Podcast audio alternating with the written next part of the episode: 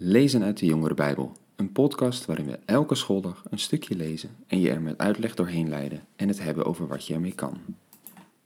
Dag leuke podcastluisteraars. Goed dat je weer luistert naar een nieuwe aflevering. We zijn deze week bezig weer in de Romeinenbrief, in Romeinen 12. En dat zijn eigenlijk allemaal best wel heel praktische stukken, kwamen we ook gisteren achter. En ook vandaag gaat het weer om hoe kunnen we met elkaar omgaan? Hoe, zouden we, hoe zou onze houding zijn als we geloven? Wat doe je als je ziet dat iemand iets nodig hebt en jij kunt dat geven aan diegene?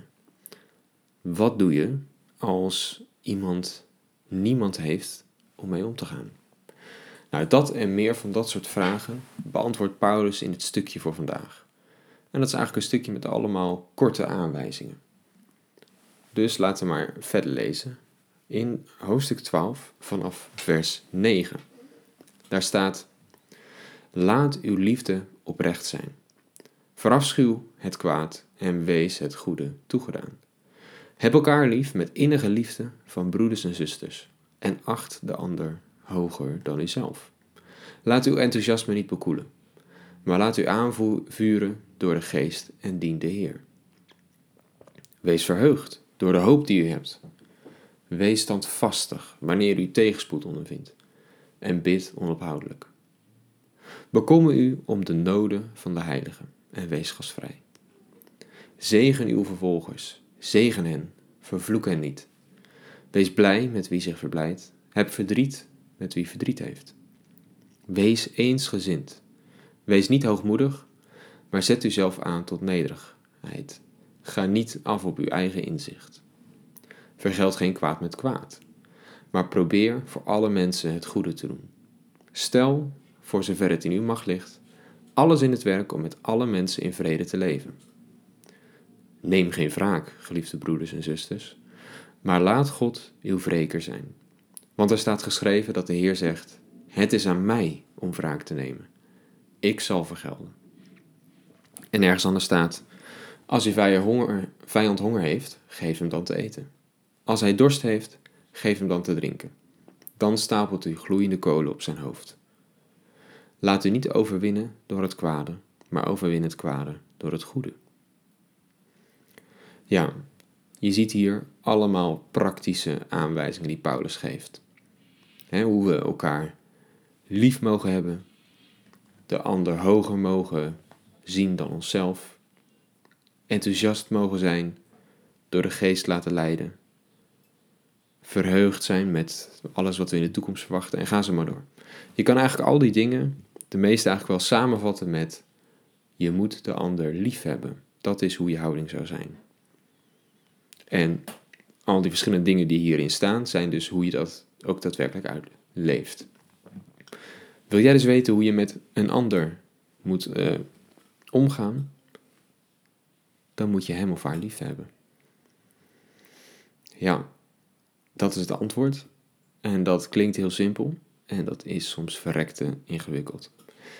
Denk maar eens na. Ik denk vast wel dat jij iemand in je klas kan verzinnen die zo irritant is dat je je afvraagt: hoe kan ik die ooit lief hebben? Het enige wat hij in je oproept is irritatie of frustratie. En maar juist dan, zo'n persoon, bedenk maar eens gewoon hoe God naar diegene kijkt. Bedenk maar eens hoe God van hem kan houden. En probeer maar eens je oordeel iets langer uit te stellen en naar te kijken of je gewoon zo iemand ook kan liefhebben. Dat is lastig. En het is misschien anders en raar. Maar als je zo naar mensen kan kijken, dat is echt heel mooi. Dan ga je ook echt heel anders met mensen om. En dan zullen mensen ook iets aan jou zien. Dat jij op een andere manier reageert. Dat je anders in het leven staat dat, dat je zo doet wat ze helemaal niet verwachten. Kijk, als iemand nou iets eh, je, tegen je doet, hè, als iemand uh, uh, nare opmerking maakt of je op een andere manier kwaad doet, ja, wat verwacht je? Wat verwacht men? Dat je het minstens net zo hard terug doet, toch? Je moet voor jezelf opkomen, duidelijk zijn, laat ze maar eens weten met wie ze te maken hebben. Dat is wat men verwacht. Als ze iets bij jou doen, dat jij het hard terug doet. Nou, zeker als je iemand hebt die echt vijandig tegen je is en altijd maar naar doet. Ja, hoe ga je daarmee om? Misschien is de beste manier om daarmee om te gaan wel door juist niet het nog harder terug te doen. En dat is iets, dat heb je vaker in de Bijbel. Hè? Jezus die zegt ook, slaat iemand op je ene wang, keer hem je andere toe. En hier ook, zegt Paulus, neem geen wraak.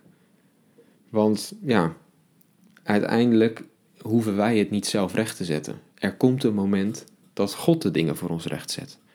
Er staat ook in de Bijbel, dat haalt hij dan aan, God zal het wreken voor je. Dat klinkt heel zwaar.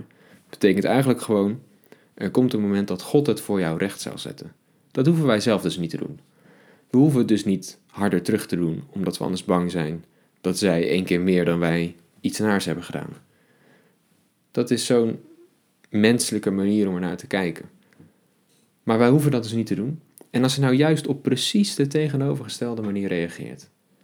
Als je nou juist precies op een liefdevolle manier reageert, ja, dan weten mensen even niet zo goed wat ze moeten doen. Want dat is niet wat ze hadden verwacht. Ze hadden verwacht dat jij juist boos zou zijn of zo anders zou reageren. Maar als je juist dan een vriendelijke opmerking kan maken, of juist dan op de tegenovergestelde manier reageert,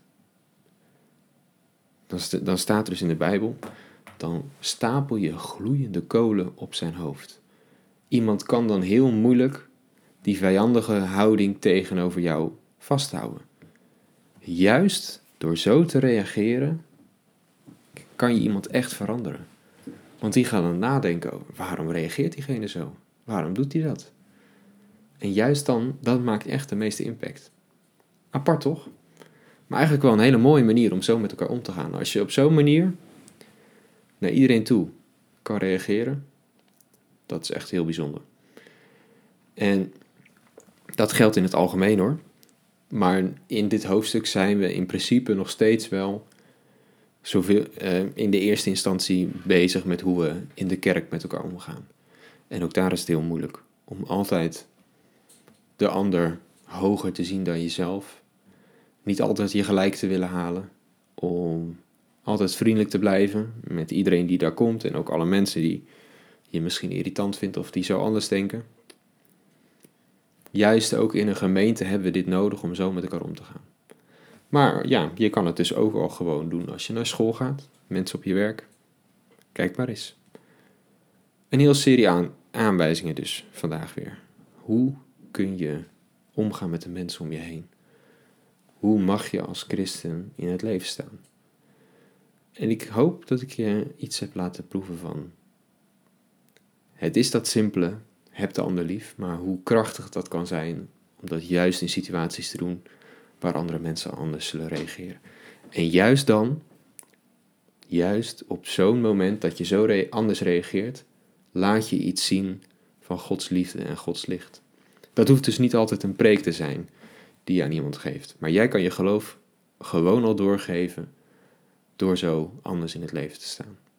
Denk daar maar eens over na en probeer dat maar eens uit de komende tijd. Morgen gaan we